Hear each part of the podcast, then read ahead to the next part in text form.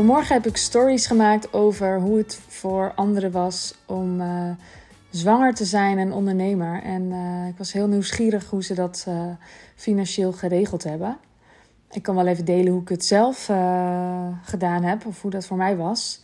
Het was alle drie de keren heel anders. Want bij mijn eerste was ik zwanger afgestudeerd. En toen ben ik ook niet direct gaan werken. Wilde ik ook helemaal niet. En het was ook heel erg het plan zo. Toen ben ik tien maanden thuis geweest. Heb ik wel een soort van thuisstudie Economie 2 gedaan. Geen idee waarom, maar omdat ik wilde ondernemen. Ehm, ja, en uh, mijn ex die zat wel een beetje de druk op te voeren dat ik ging werken. Maar ik zelf probeerde het zoveel mogelijk te rekken. En ook van die thuisstudie kwam helemaal niet zoveel. Ten eerste omdat Economie 2, uh, eh, hoe heet het, bedrijfskunde, boekhouding, wat het ook was, super saai is. En ten tweede, ja, officieel gezien, ja. Dat is echt onafhankelijk besloten saai. En ten tweede, omdat ik gewoon in de babybubbel zat. Dus ik dacht echt, uh, waarom lukt het niet om iets te doen? Um, met zes maanden hebben we er laten wennen op de kinderopvang uh, in de buurt, waar uh, de moeder van mijn ex de directeur van was. Dus dat voelde dan wel logisch en vertrouwd. En elke dag bracht ik er dan met buikpijn. En dan ging ik proberen te studeren, maar er gebeurde dus niks. Dus ik heb vier maanden uh, genikst op de momenten dat ze daar was en me daar schuldig over gevoeld. Nou, dat was de eerste.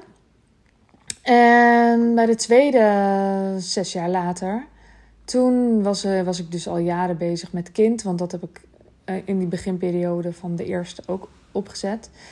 Um, bij de tweede was ik daar al best wel lang mee bezig, al vijf jaar.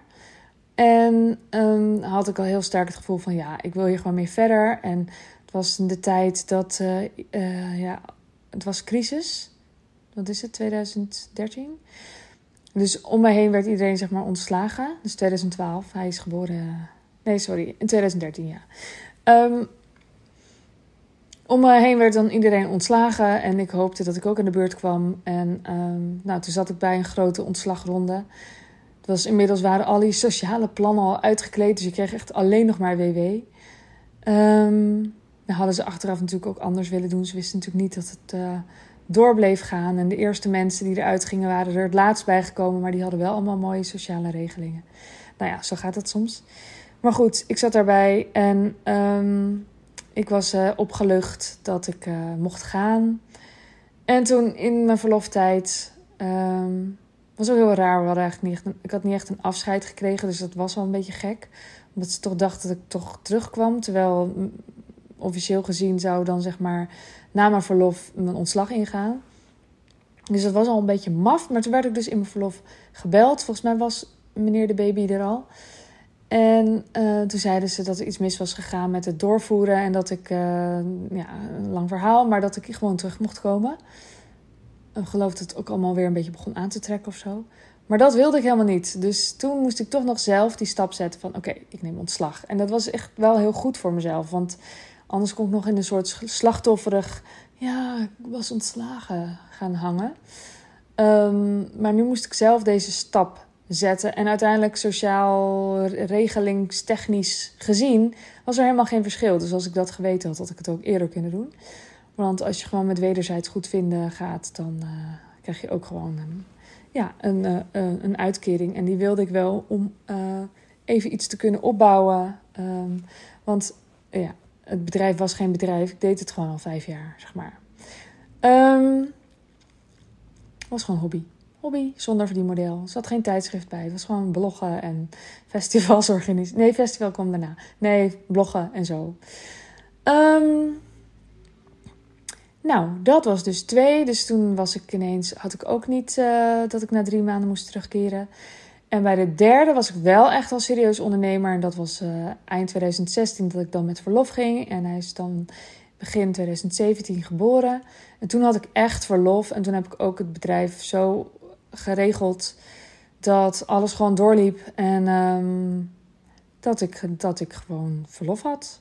Dus ik had mijn teamleden, die er wel al waren, um, ja, gewoon verteld uh, wat ze allemaal van me nog mochten overnemen en zo. Daar heb ik echt wel naartoe gewerkt. En het is niet zo dat ik toen vervolgens tien maanden niks wilde doen. Dat kwam veel sneller. Ik denk dat ik na zes weken of zo, misschien wel eerder, al wel weer iets ging doen, omdat het ook gewoon mijn hobby was. Maar dat waren dan alleen maar dingen die ik zelf wilde doen en niet iets wat moest gebeuren of zo. Ehm, dat is natuurlijk in het ondernemerschap sowieso een beetje raar. Dus bijvoorbeeld een mail schrijven is aan de ene kant gewoon uh, iets wat ik gewoon makkelijk doe. De andere, en hobby is. Aan de andere kant was het ook gewoon marketing. Um, nou ja, dus zo ben ik er weer langzaam ingegroeid. En heb ik dus ook niet die ervaring gehad bij de derde. Dat je na 10, 12 weken weer ineens naar je werk moet. En moet gaan kolven en gedoe. Zo. Dat ken ik dus bij alle drie de kinderen niet. Maar ik was wel heel nieuwsgierig hoe andere ondernemers dit nou zouden regelen. En ja, is het dan zo dat je dan met verlof gaat en dat de hele boel stil ligt? Of loopt het allemaal een beetje door? Je krijgt tegenwoordig natuurlijk gewoon een uitkering. Um, maar dat is niet per se een hoge uitkering. En dan nog kan, kan, kan je ervoor kiezen om, om het allemaal door te laten lopen. En dat kan natuurlijk op een heleboel manieren. Je kunt ervoor kiezen om. Um, uh, nou, het ligt een beetje aan wat je doet natuurlijk ook. Maar je kunt zeg maar, stel dat je wel uh, jezelf in de strijd gooit, wat ik toen niet had. Maar dat je, dat je dus coach bent of uh, het gezicht. Uh, nou, ik was wel het gezicht, maar dat was minder belangrijk op dat moment. Ik moest, hoefde zeg maar niet sessies te doen of zo. Als je dat nou wel hebt, dan kun je er bijvoorbeeld voor kiezen om een andere coach in te schakelen. En misschien is er niet één iemand die jou kan vervangen, maar misschien um, zijn er wel drie mensen die allemaal een stukje kunnen overnemen van wat je doet. En als je een ander soort bedrijf hebt, kun je ook kijken van kan ik daar andere mensen in naar voren schuiven. schuiven. Je kunt ook heel goed kijken naar wat zijn nou de dingen die door moeten lopen en zijn er ook dingen die we een tijdje stil kunnen leggen. Um, als je een uh, aanbod hebt van meerdere dingen, is dat natuurlijk wel gewoon iets waar je goed naar kunt kijken. Bijvoorbeeld een evenement of zo. Dat je denkt, nou dan doen we dat eventjes niet. Um, dus zo kun je er op allerlei manieren naar kijken. En ik denk dat in heel veel gevallen de het hele bedrijf gewoon op zijn gat ligt. En dat er dan dus een uitkering is en daarna wordt het weer opgepakt. En ik vind het ook zonde en ik denk ook dat het niet nodig is. Dus ik ben wel heel nieuwsgierig. Um, mocht jij nou iemand zijn die een bedrijf heeft dat echt wel loopt. Um, en jij uh, bent zwanger of wilt misschien uh, weer worden. En je denkt, nou, bij mij kan het niet anders dan dat het gewoon stil ligt Stuur me dan even een pb, want dan vind ik het wel heel leuk om even met je mee te denken. Nou, tot zover. Eventjes, ik was hier even heel erg uh, even in, verdiept. Wens ik jou een hele fijne ochtend, middag, avond, nacht en tot de volgende keer. Doei doei!